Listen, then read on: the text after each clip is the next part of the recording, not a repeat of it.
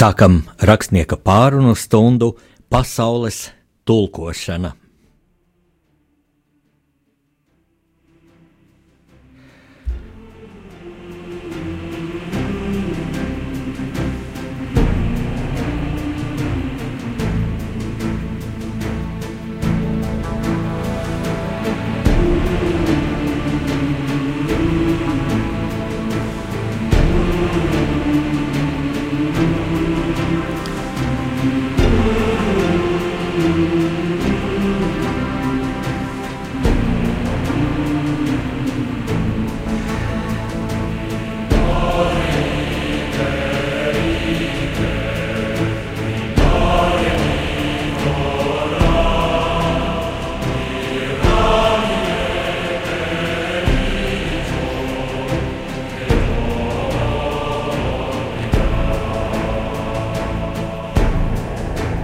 Lai slavēts Jēzus Kristus, rādījumā arī Latvijas studijā Jānis Udris, vairāk vēsturisku romānu autors. Un es gribu sākt ar kāda klausītāja jautājumu, kas tika man uzdots pirms divām nedēļām. Iepriekšējā mūsu tikšanās reizē Radio Marija Latvija, mm, Radio Vilnī. Proti, klausītājs Jūris no Rīgas man uzdeva it kā vienkāršu jautājumu. Es runāju par vēstures tēmu, par mūsu sarežģīto vēsturi kā Latvija tika okupēta, un jautājums skanēja, ko darīt šodien, lai nebūtu kā Ulmanim, tātad kā Kārlim Ulmanim, kas sēž un neko nedara. It kā ļoti vienkāršs jautājums, bet es uz to neatbildēju pagājušajā raidījumā tādēļ, ka bija atlikušas tikai dažas minūtes vēl, un šis jautājums ir ļoti plašs. Un divas nedēļas man nu, nereiz vien nāca prātā šis jautājums, un būtībā tā ir pati sakne mūsu šodienas attieksmei pret Latviju. Arī es domāju, atbilde šo jautājumu ir atslēga labākai dzīvei šodien, jo es tā esmu ļoti iedziļinājies cēloņos. Kādēļ mums Latvijā tomēr iet tā, kā iet? Protams, mums klājas salīdzinot ar daudzām pasaules valstīm, kur ir kāri, kur ir bats, kur trūks dzeramā ūdens. Mums klājas labi, mums patiešām klājas labi un būtu grēks žēloties. Tas būtu tiešām, tiešām nevietā. Uh, taču mums varētu iet daudz labāk, un mums jā, jā, jāraugās ļoti atklāti un droši un paškritiski kaut vai tepat uz kaimiņiem, Igauniem, kuru ekonomiskās rād, attīstības rādītāji ir daudz augstāki, daudz optimistiskāki, un kur arī sociālais atbalsts veciem cilvēkiem, daudz bērnu ģimenēm, dažādi citi sociālie atvieglojumi ir daudz labāki nekā Latvijā. Kādēļ? Tagad dienas kārtībā mūsu valdībā, mūsu parlamentā, mūsu parlamentā jā, ir valdības izstrādātais nākamā gada budžets, un to apspriežot, jau izstrādājot, tik daudz diskutēts, cik atvēlēt eh, medicīnai, cik izglītībai, cik valsts aizsardzībai. Un tad alēs šīs diskusijas bija manā skatījumā ļoti ierobežotas un tuvredzīgas, kurā no šīm jomām ir tā aktuālākā. Nu, kaut vai pēdējā aktualitāte bija tā, ka studenti protestēja, ka grib samazināt uh, budžeta vietas vai pat likvidēt vispār, lai būtu augstāka izglītība tikai par maksu. Nu, un tad valdības spriež, vai nu atņemt kādai citai nozarei, vai pielikt klāt jaunas nodokļus.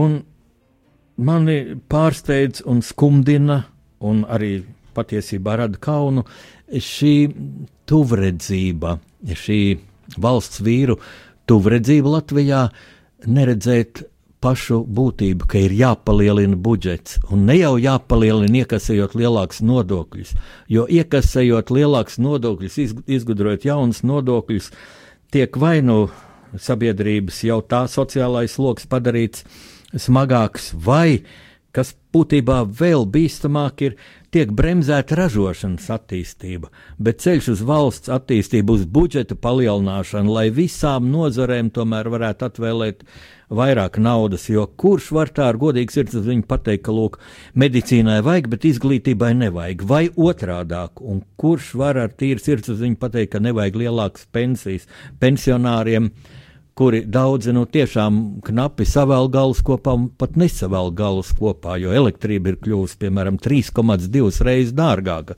Tā ir demagoģija teikt, ka elektrība kļuva lētāka. Pat elektrība, jā, mazliet, mazliet lētāka, bet tagad ir jāmaksā par elektropārvades līnijām, par pievienošanu un atvienošanu un diezinu par ko vēl.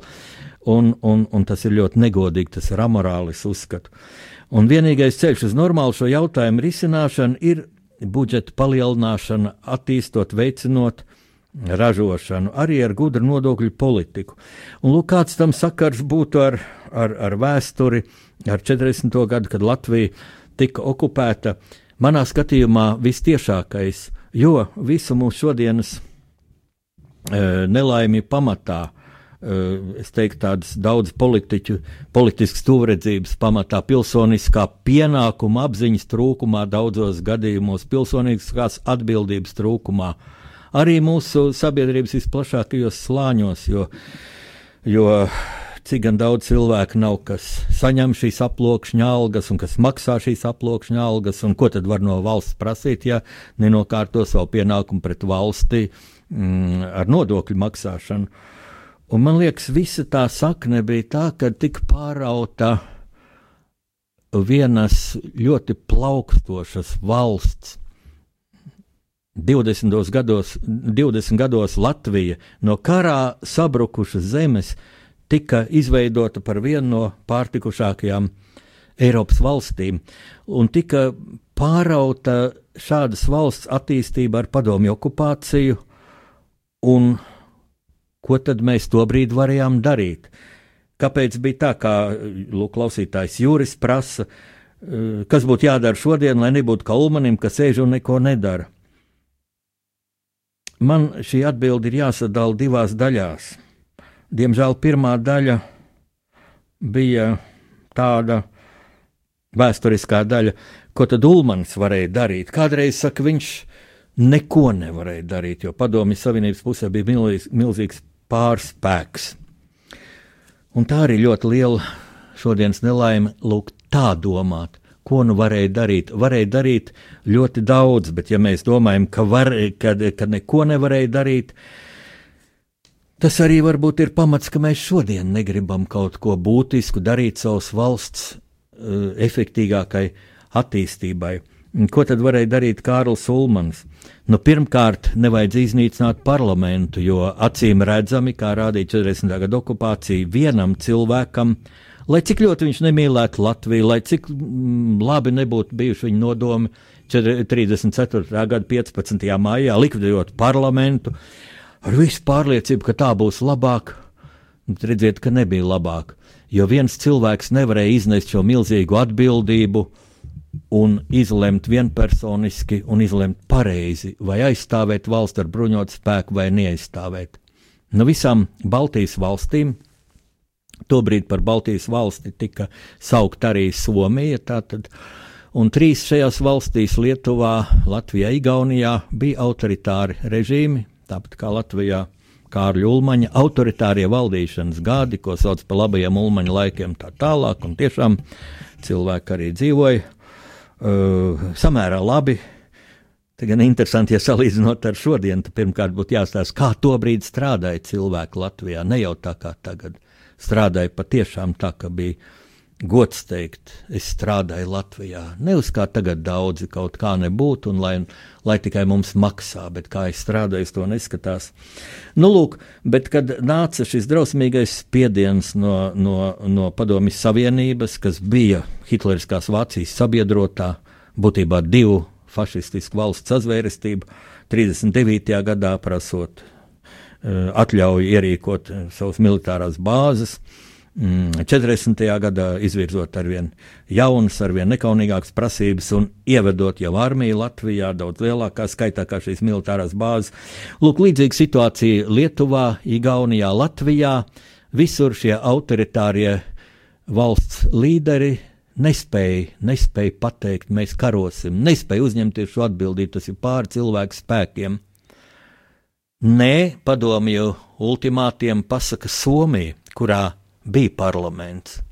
Un te ļoti īpatnēji zīmīga epizode eh, Somijas armijas komandieris Maršals Manerheims pirms tam brīdināja politiķus. Dariet visu, lai vienotos diplomātiskā ceļā ar Padomju Savienību. Mēs nevaram karot ar Padomju Savienību. Bet, kad parlaments lēma mums jākaro, lūk, tad Manerheims vadīja armiju, vadīja ļoti gudri, ļoti droši. Somija varonīgi cīnījās, jā, vajadzēja pēc tam kapitulēt, Somija zaudēja daļu teritorijas, bet nosargāja savu neatkarību. Mums bija laba patriotiska armija, protams, mēs nevarējām cerēt uz uzvaru šajā karā. Ja būtu karojuši 39. gadā, ja būtu karojis arī Lietuva, arī Igaunija, tad, kad karoja Somija, droši vien arī tad Padomjas Savienība tomēr būtu būtu nodarījis būtisks teritoriāls zaudējums Baltijas valstīm, varbūt pat kāda no šīm valstīm zaudēt neatkarību, bet tas būtu pavisam cits vēstures attīstības ceļš turpmākajā. Un pat ja mēs nekarojām, tad Kārls Ulmans varēja vēl darīt daudz ko, varēja diplomātiski protestēt, nepiekrist šiem protestiem. Diemžēl Kārls Ulmans mm, ne tikai vienkārši sēdēja, neko nedarīja, Viņš parakstīja, eh, parakstīja dekrētu par, eh, par eh, Kirhensteina valdības Maskavā, Maskavā sastādīts Latvijas valdības stāšanos amatā kā Latvijas valsts prezidents. Tas gan briesmīgi, tā ir vēsturiska patiesība. Es to esmu aprakstījis romānā Ulmans Lielā Kārļa testaments, un kad es tiekos ar lasītājiem, es sastopu lielu izpratni, bet dīvainā kārtā es esmu sastapis ļoti lielu nevēlēšanos mm, izprast šo situāciju, kad es vēlējos izanalizēt šo ulmaņu fenomenu, kāpēc ulmanis mm, nu, nešķīrās par, uh, par pretošanos, par bruņotu pretošanos padomju agresijai.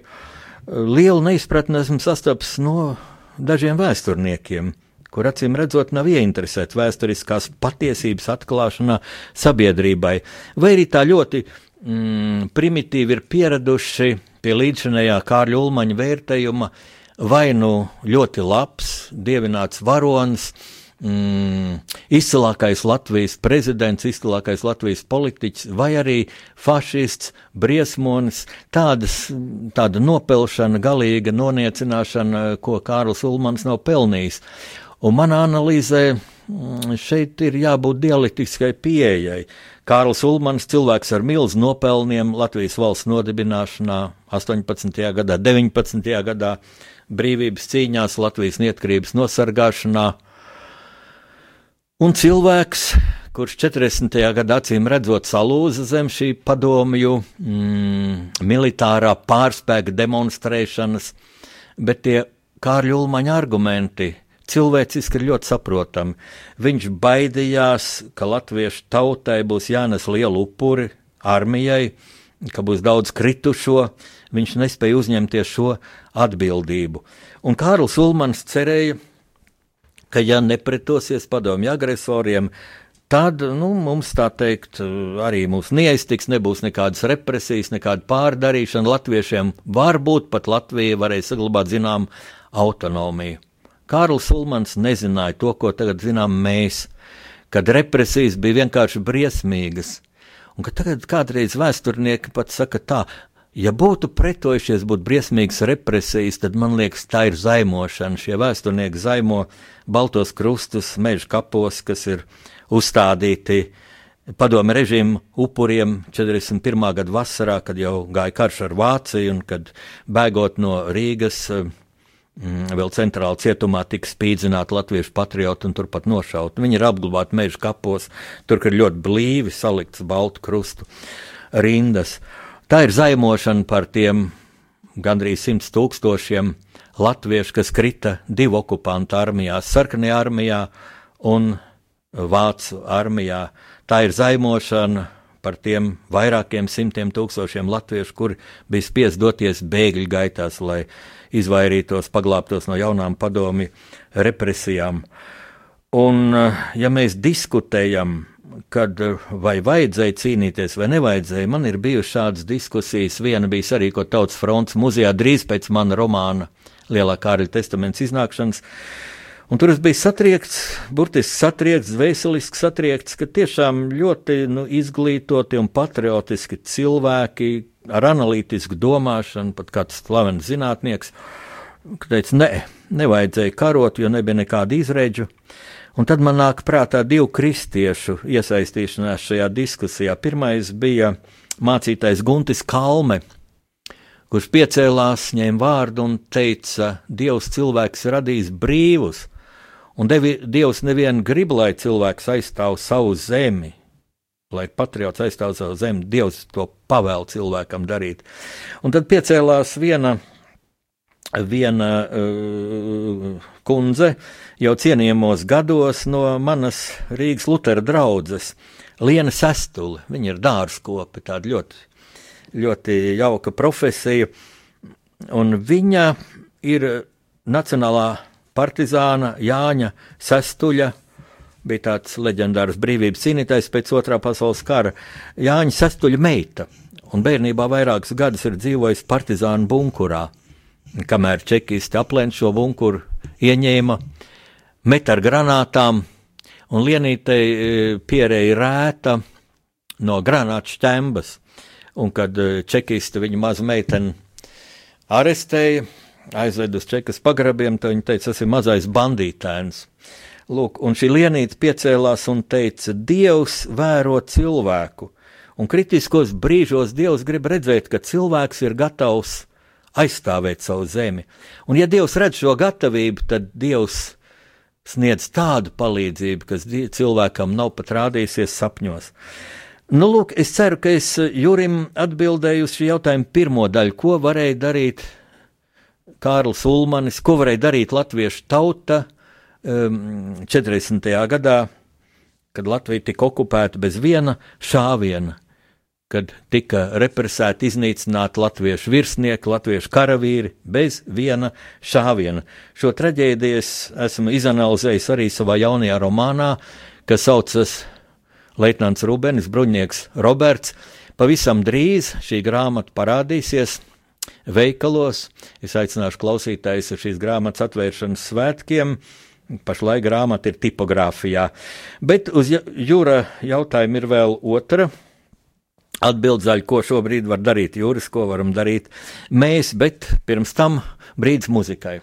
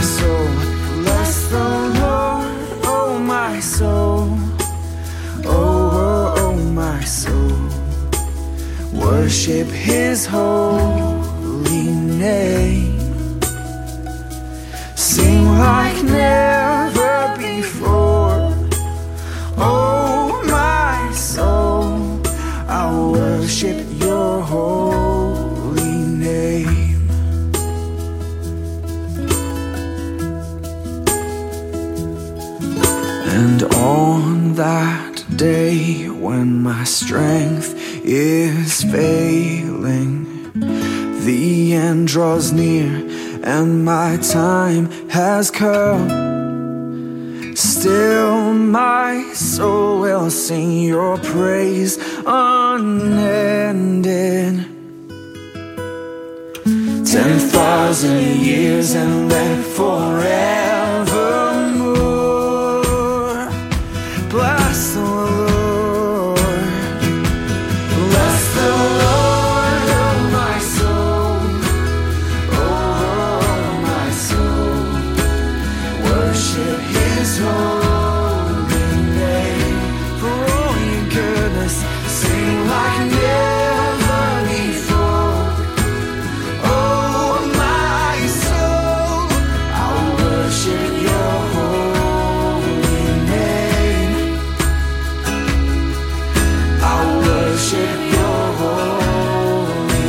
Skan radio Marija Latvija.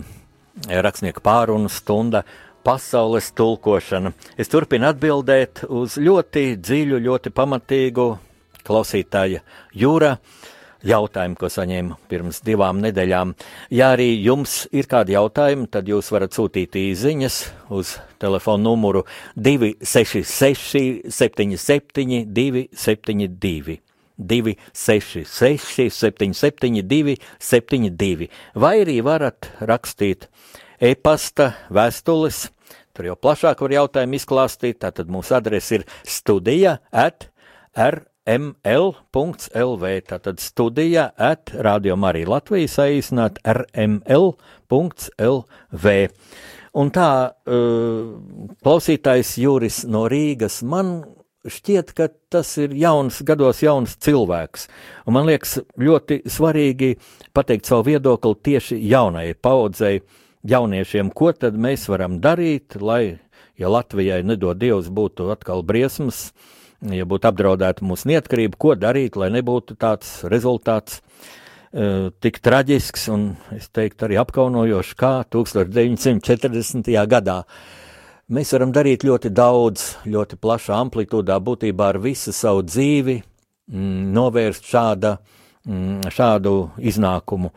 Uh, jo lielākais ienaidnieks šobrīd, manā pārliecībā, varat mm, savu atšķirīgu viedokli paust, rakstīt, bet manā pārliecībā lielākās briesmas slēpjas mūsu vienaldzībā. Diemžēl mums ir ļoti daudz vienaldzīgu cilvēku, kam ir vienaldzīgs savs valsts liktenis, un tad mēs tā ar vieglu sirdi aizbraucam uz ārzemēm, pametam Latviju. Es nerunāju par tiem jauniem cilvēkiem, kas brauc studēt, tas ir apsveicami, jo vairāk tad, ja viņi atgriezīsies ar izcilām zināšanām un kalpos savai zemei. Es arī neņemtos nosodīt tos, kam tiešām ir grūti. Latvijā ir, e, diemžēl, liels bezdarbs, es iemesls jau minēju raidījuma sākumā, e, kas aizbrauc, e, teiksim, nopelnīt naudu, lai atdotu kredītu, nomaksātu parādus. Um, es zinu tādas ģimenes, kur ģimenes tēvs aizbrauc, pusgadu, gadu strādā, e, sieva ar bērniem gaida mājās, viņi nokārto savas problēmas. Nu, tā ir apstākļu diktēta nepieciešamība. Es domāju, neviens to nevar nosodīt. Mēs arī zinām, ka Eiropas Savienības pārtikušākajās valstīs ir daudz augstāks algu līmenis. Bet es zinu arī tādas ģimenes, kas vienkārši tāpat aizbrauc, kuriem šeit nemaz neklājas tik slikti, un viņi aizbrauc, un tad es viņus aicinātu padomāt par to atbildību, kādu viņi uzņemas, būtībā kādu grēku viņi izdara, atņemot saviem bērniem tēvzemi, atņemot saviem bērniem dzimteni. Bērni vēl ir mazi, tajos gadījumos, par kuriem es runāju. Bērniem neprasa, neviens bērns arī nemācētu atbildēt, bet paies gadi, un tad padomājiet par to, mīļie vecāki, ka bērni jums teiks, kāpēc man bija jāuzauga Anglijā, ja ir tik skaista zeme, Latvija, kurai es tagad esmu svešs.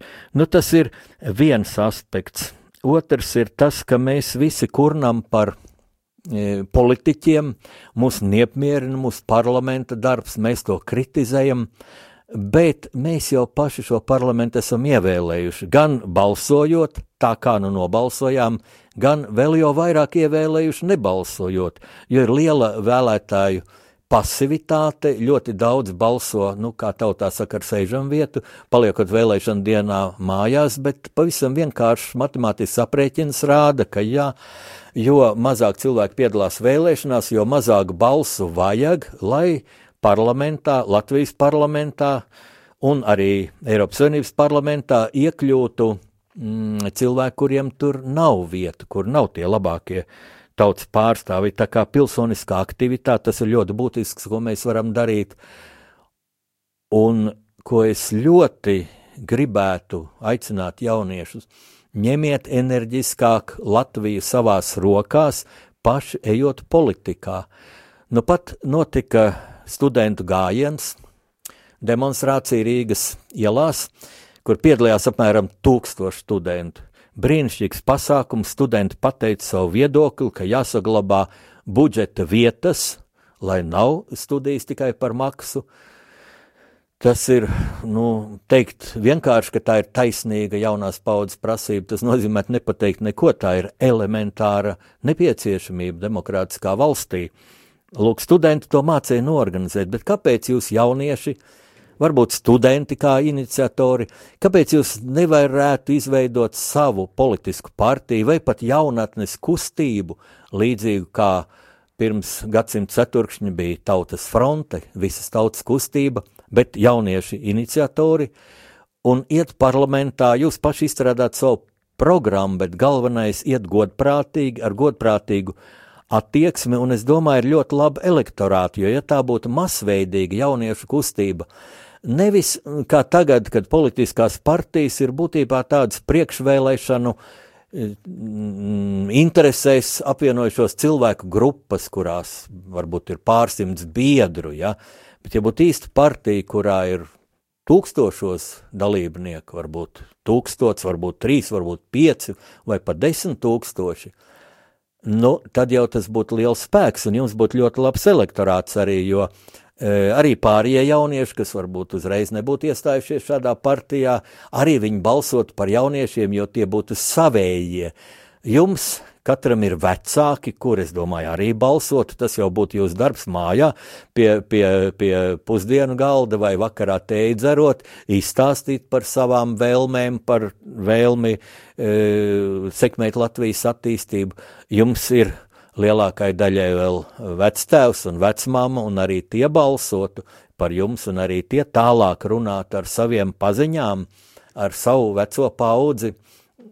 Tā kā es domāju, šādai kustībai būtu ļoti, ļoti mm, laba perspektīva, un jūs varētu būtiski izmainīt parlamentu sastāvu un politisko klimatu Latvijā. Uh, Un te nu es gribu vērsties pilnīgi pie visiem klausītēm, visām paudzēm.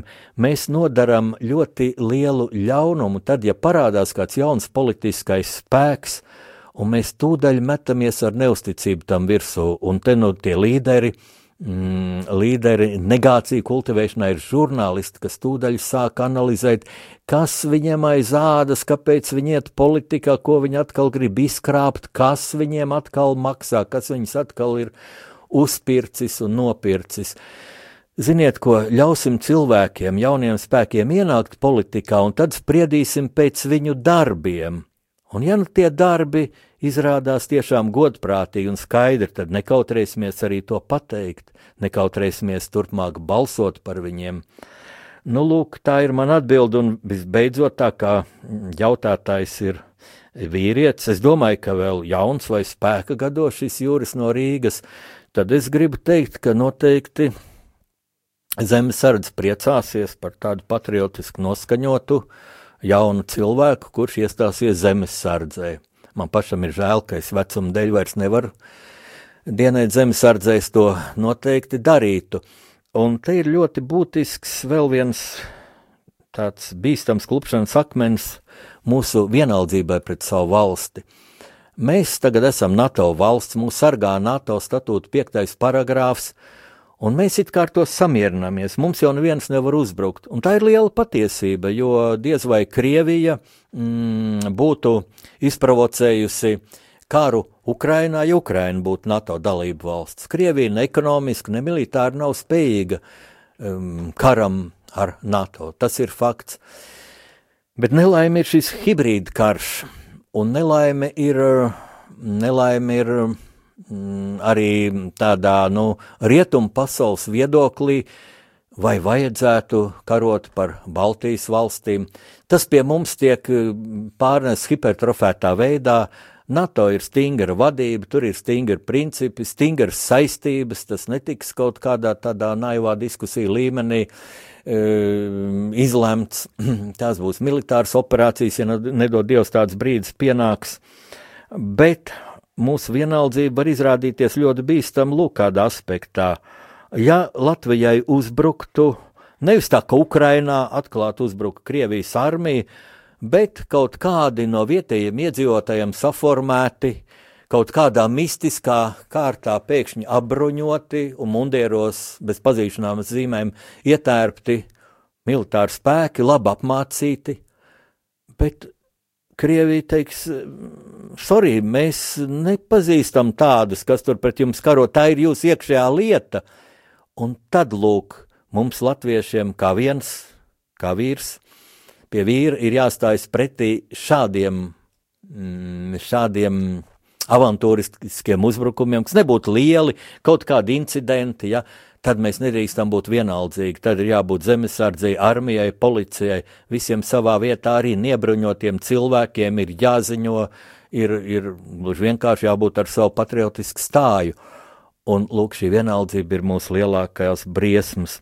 Noteikti noteikti to mēs nedrīkstam pieļaut. Citādi mēs, jā, mēs varam arī savu valsti pazaudēt, jo gal galā, ja nevienas valsts neaizstāvēs Latvijā, tad kāpēc lai to aizstāvētu kā ārvalsts? Ja? Tā jau drošība netiek eksportēta, ja? var palīdzēt cilvēkiem, kuri paši cīnās un saka, palīdziet mums. Nu, lūk, tas ir tāds ļoti smags temats, bet es gribu atgādināt vienu latīņu uh, gudrību, historijā, magistra vitāe, vēsture ir dzīves skolotāja. Mācīsimies no 40. gada kļūdām, kad Latvija nedarīja to, ko bija jādara. Un tā atbilde ir gluži, gluži vienkārša. Ir jāizstāv savu valsti, jeb kā es nobeidzu savu romānu par Kārlu Ulmani, Lielā Kārļa testaments, ka Ulmanis dodamies uz savu Golgātu, viņam, viņu nošāva, tas ir manā rakstnieku versijā, viņu nošāva Čekas cietumā. Un pēdējais, ko viņš uzrakstīja cietuma kamerā uz sienas, ir mīliet Latviju. Un tagad brīdis muzikai.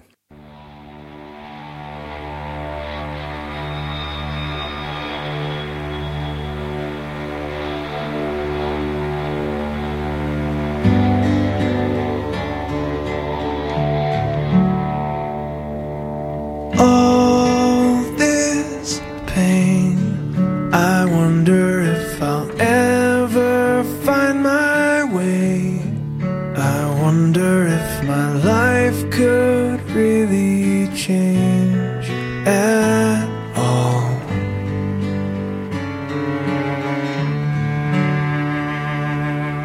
All this earth, could all that is lost ever be found? Could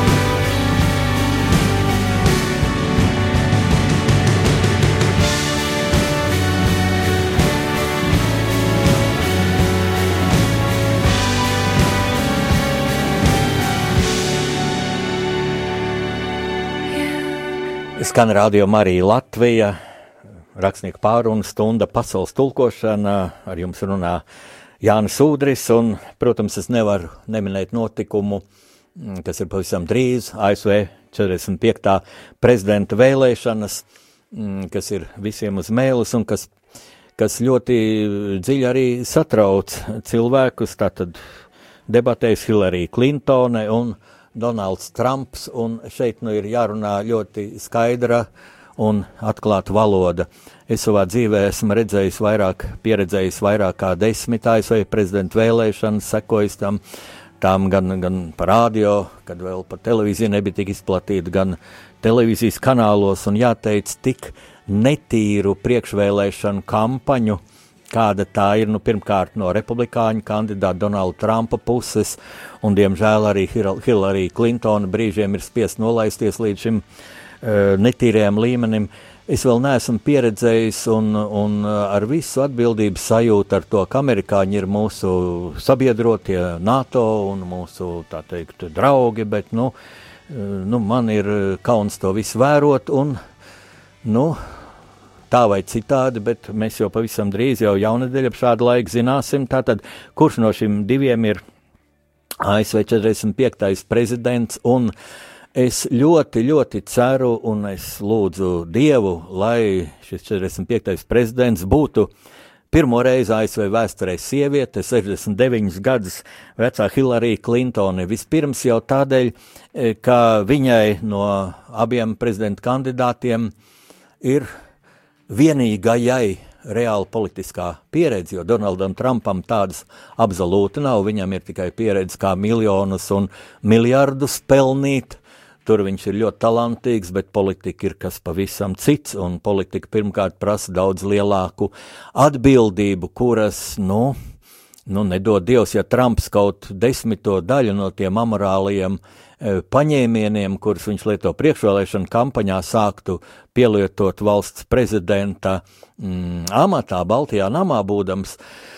Nu, tas varētu novest Lielu Ameriku pie daudz reiz pie nu, tādiem apkaunojošiem brīžiem, pie politiskās sejas zaudēšanas. Mums vajadzētu sarkt līdz ar saviem varenajiem e, sabiedrotajiem, un es domāju, no tā ciestu amerikāņu tauta, jo šim cilvēkam, nu, tā izskatās, ka viņam nav nekādu morālo, nekādu ētisko kritēriju, viņš ir rupšs, viņš ir prasts, man Nu, ir tādas epizodes, ko es nevaru iedomāties. Eh, vienkārši, nu, mm, nu piemēram, mm, kā vīrietis var eh, nu, lielīties eh, ar saviem panākumiem pie sievietēm, nu, tādā pat cīniskā, ļoti naturālā veidā.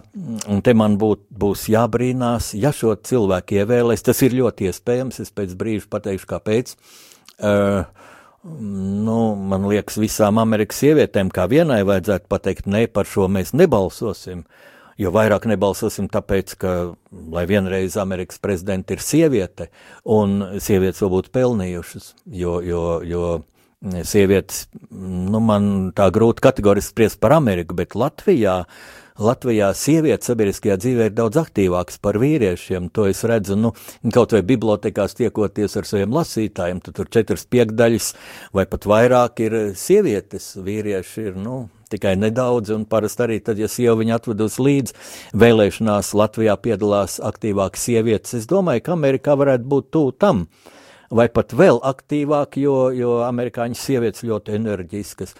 Tādēļ es nesaprotu šo fenomenu, kas parādās, negatīvo fenomenu, kas parādās Amerikā sabiedriskās domas aptaujās, ka šis Trumps brīžiem jau apsteidz Hillary Clintoni, un notika vēl viens šokējošs moments, kas mani absolūti satriec, ka federālais izmeklēšanas birojs, nu, ko varētu salīdzināt ar tādu kā mūsu mm, satversmes aizsardzības biroju vai padomu savienībā tāds bija KGB valsts drošības komiteja, tā tad ļoti nopietna iestāde, kas darbojas ar, ar slepeniem dokumentiem, ka viņi pēkšņi tagad pēc desmit gadiem paceļ augšā lietu pret Billu Clintonu, kas tika izbeigta 2005. gadā, Par to, ka Klintons, būdams prezidents, savā prezidentūras pēdējā dienā, nu, tā kā tā apžēloja tur kādu likuma pārkāpumu un kādu cilvēku, kurš, kurš miljonāru, kurš bija izvairījies no nodokļu maksāšanas, slēpās ārzemēs, un Klintons tā kā deva rīkojumu pārtraukt izmeklēšanu, jo atklājās, ka tagad slepeni ir atklājies, ka ka šī cilvēka sieva bija iemaksājusi Demokrātu partijā un Hillarijas Klintons toreizējā vēlēšana kampaņā liels naudas summas. Nu, tāds it kā korupcijas gadījums, bet tas netika īsti, kā es saprotu, pierādīts, jo 2005. gadā Federālais izmeklēšanas birojs pārtrauca šo, nu, atsauc apsūdzību pret bijušo prezidentu Billu Klintonu pēkšņi tagad, pēc desmit gadiem, tieši vēlēšanu priekšvakarā kaut ko tādu publiskot, ja, kas var iespaidot, dramatiski iespaidot vēlēšanu rezultātus par sliktu Hillarijai Klintonai, nu, tas ir augstākajā mērā amorāli, negaidīti, pārsteidzoši, un man vēlreiz kauns par, mm, par mūsu sabiedroto valstu Ameriku. E, taču es ceru, ka saprātīgie spēki uzvarēs Hillary Clinton droši vien nav tā spilgtākā kandidāte prezidenta amatam, kādas ir redzētas. Man vēl atmiņā ir harizmātiskais Džons Kenedijs. Arī Bills Klintons, es uzskatu, ka bija daudz spilgtāka persona nekā Hillarija. E, viņai arī ir veselības problēmas un tā tālāk, tā tālāk. Viņa varbūt arī būdama valsts sekretāra un, un, un risinādama ļoti svarīgas Amerikas ārpolitikas jautājumus, nevienmēr pieņēma tos labākos lēmumus, bet, bet tomēr tā ir politiska pieredze, tā ir augstāka morāla. Tas ir viennozīmīgāks atbalsts arī Baltijas valstīm. Uh, eventuālā kādas ārvalsts, nu runāsim skaidri, vienīgā ārvalsts, kas mums ir draudējusi un kam ir ģeopolitisks intereses mūsu teritorijā, tā ir mūsu lielākā kaimiņu valsts Krievija. Daudzi cilvēki ir ļoti satraukušies par to, ka Donalds Trumps ir izteicies, vai Amerikai tur vajadzētu atbalstīt Baltijas valsts un tā tālāk.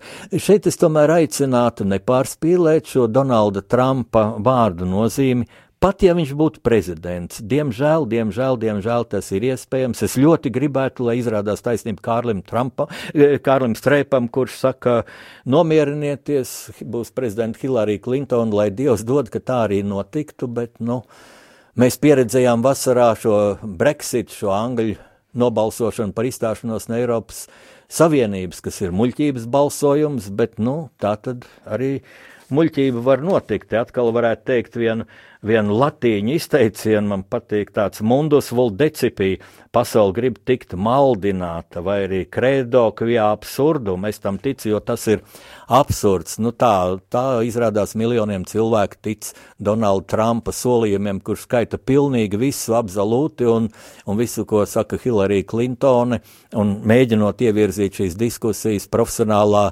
gultnē par reālām problēmām, viņš visu to apņirdz, apspļauj, ciniski, pat rupjiem vārdiem nosauc, bet nu, tas būtu ļoti atbildīgi teikt, atbildīgs lēmums teikt, Amerika nepalīdzēs Baltijas valstīm. Ne jau Amerikas prezidents, vai tas būtu Trumps vai Clinton, vienpersoniski to izlems. Amerikā ir parlaments, pie tam ļoti sarežģīta struktūra, divas palātas, senāts un kongress, kur abas šīs valdošās politiskās partijas cīnās par vairākumu konkurēja savā starpā.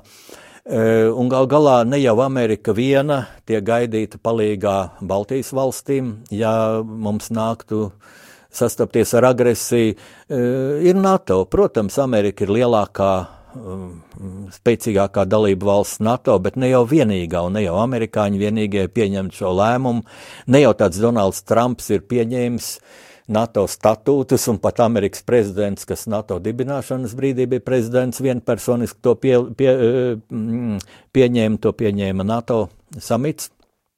Tā kā nepārspīlēsim šīs briesmas, un, un e, es arī ļoti ceru, ka, ja, ja nu notika tas, ko, ko ļoti es negribu, uh, Eh, un tikt ievēlēts Donalds Trumps par Amerikas prezidentu, tad es domāju, šis cilvēks vienkārši būs spiests mainīt savu imidžu, viņam taču apkārt būs arī saprātīgi padomnieki, jācer, kas ieteiks to nekavējoties mainīt, un, eh, Un, un mēs ieraudzīsim varbūt pavisam citu cilvēku. Ļoti iespējams, ka notiks arī, ja viņš tikpat skandalos turpinās uzvesties, ka viņam sarīkos impeachment par kādu iekšpolitisku problēmu, jo nu, šis cilvēks uzvedas tiešām kā zilonis. Uh, trauku veikalā, un te faktiski man gribas nocitēt Eiropas Savienības enerģetikas komisāra Gintera Ettingera vārdus. Ginters Ettingers, viņš arī diezgan skandalos politiķis no Vācijas, bet viņš ir teicis tā, ka Donalds Daks būtu labāks prezidents kā Donalds Trumps. Un,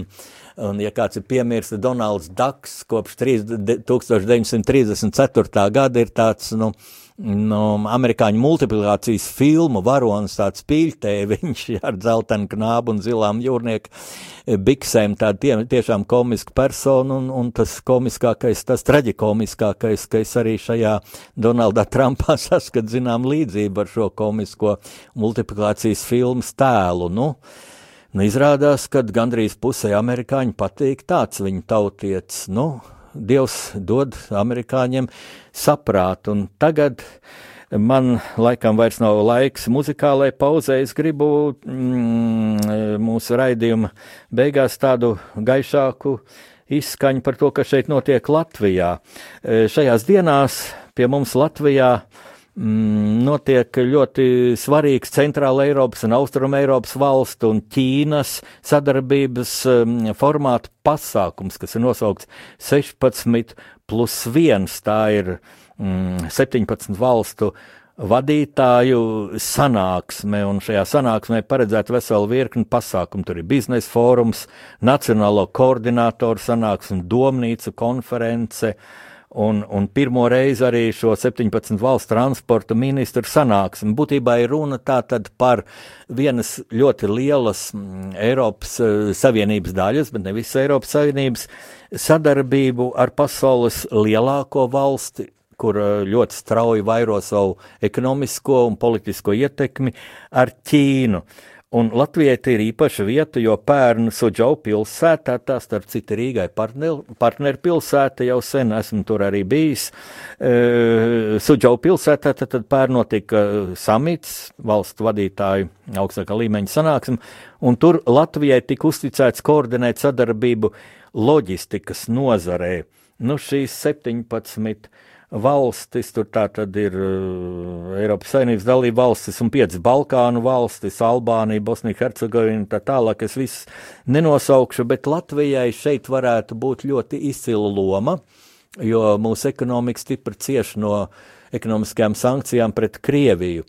Šobrīd nu, visiem uz mēles atkal ir mūsu parfumērijas fabrika dzintars. Man būtu tiešām ļoti žēl, ja, šīs, ja mēs kopīgi noskatītos tā mierīgi, vienaldzīgi, kā šis dzintars bankrotē, jo dzintars pēc, tā bija padomju savienības laikā jau izveidot firma, kam bija ļoti liels prestižs padomju savienībā, mm, Krievijā, visā postkomunistiskajā telpā, nu un tagad sakarā ar šīm sankcijām ļoti saruci šis tirgus ir, un es gribētu aicināt visus mūsu klausītājus, tiešām pirksim savu preci, pirksim latviešu savu preci, ne tikai uh, dzintaru parfumēriju, jebkurā gadījumā mēs varam izšķirties par saviem e, pārtiks produktiem, augļiem, dārzeņiem, piena produktiem, pirksim, atbalstīsim tā savus ražotājus. Tas taču ir tik viegli. Un es personīgi nu, gadiem, gadiem, gadiem lietoju dzintara šampūnus un, un un, un vīriešu odekolonas, un uh, sievietēm vēl plašāk šī izvēle ir. Nesen mana izdevēja zvaigznes ABC grāmata apgāda vadītāja Vīja Kilbloka skaitīja, ko viņi tur visi ir sapirkusies. Nu, sievietēm par to skaistumu ir vairāk jādomā, un tur ir gan lūpu krāsas, gan, gan dažādi sejas krēmi. To taču visu mēs varam pirkt savus ražojumus, jo, jo dzintara preces ir, ir tiešām uh, labā kvalitātē. Es pats rīt piedalīšos vienā šajā formātā 16 plus 1 sanāksmē, kas notiks ārlietu ministrijā. Tāda diskusija diezgan augstā līmenī būs pārstāvēta Ķīna, un domāju par šīs sanāksmes rezultātiem. Mm, es varēšu pastāstīt jums pēc divām nedēļām, kad atkal tiksimies rakstnieku pārunu stundā. Radio Marija, Marija Latvija, mm, Radio Vilnija.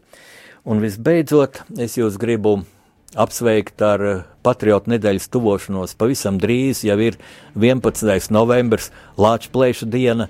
Diemžēl, diemžēl joprojām daži, daži cilvēki Latvijā, skolēni, kā dzird no aptaujām, domā, ka tā ir Latvijas plēša dzimšanas diena vai tam līdzīgi. Nē, tā ir diena, kad 1919. gadā, 11. novembrī, Latvijas armija, vāji bruņota, vāji apgādāta, pārspēja Bermuda armiju, sakāva pārdauguvā. Izšķirošās kaujas notika tepat pavisam netālu no mums, no Radio Marija Latvijas studijas Torņkalnā. Lūk, tā ir Latvijas plēša diena. Mm, par šo dienu, kā tā būs noritējusi, arī es runāšu pēc divām nedēļām vairāk nākamajā pasaules tulkošanas raidījumā.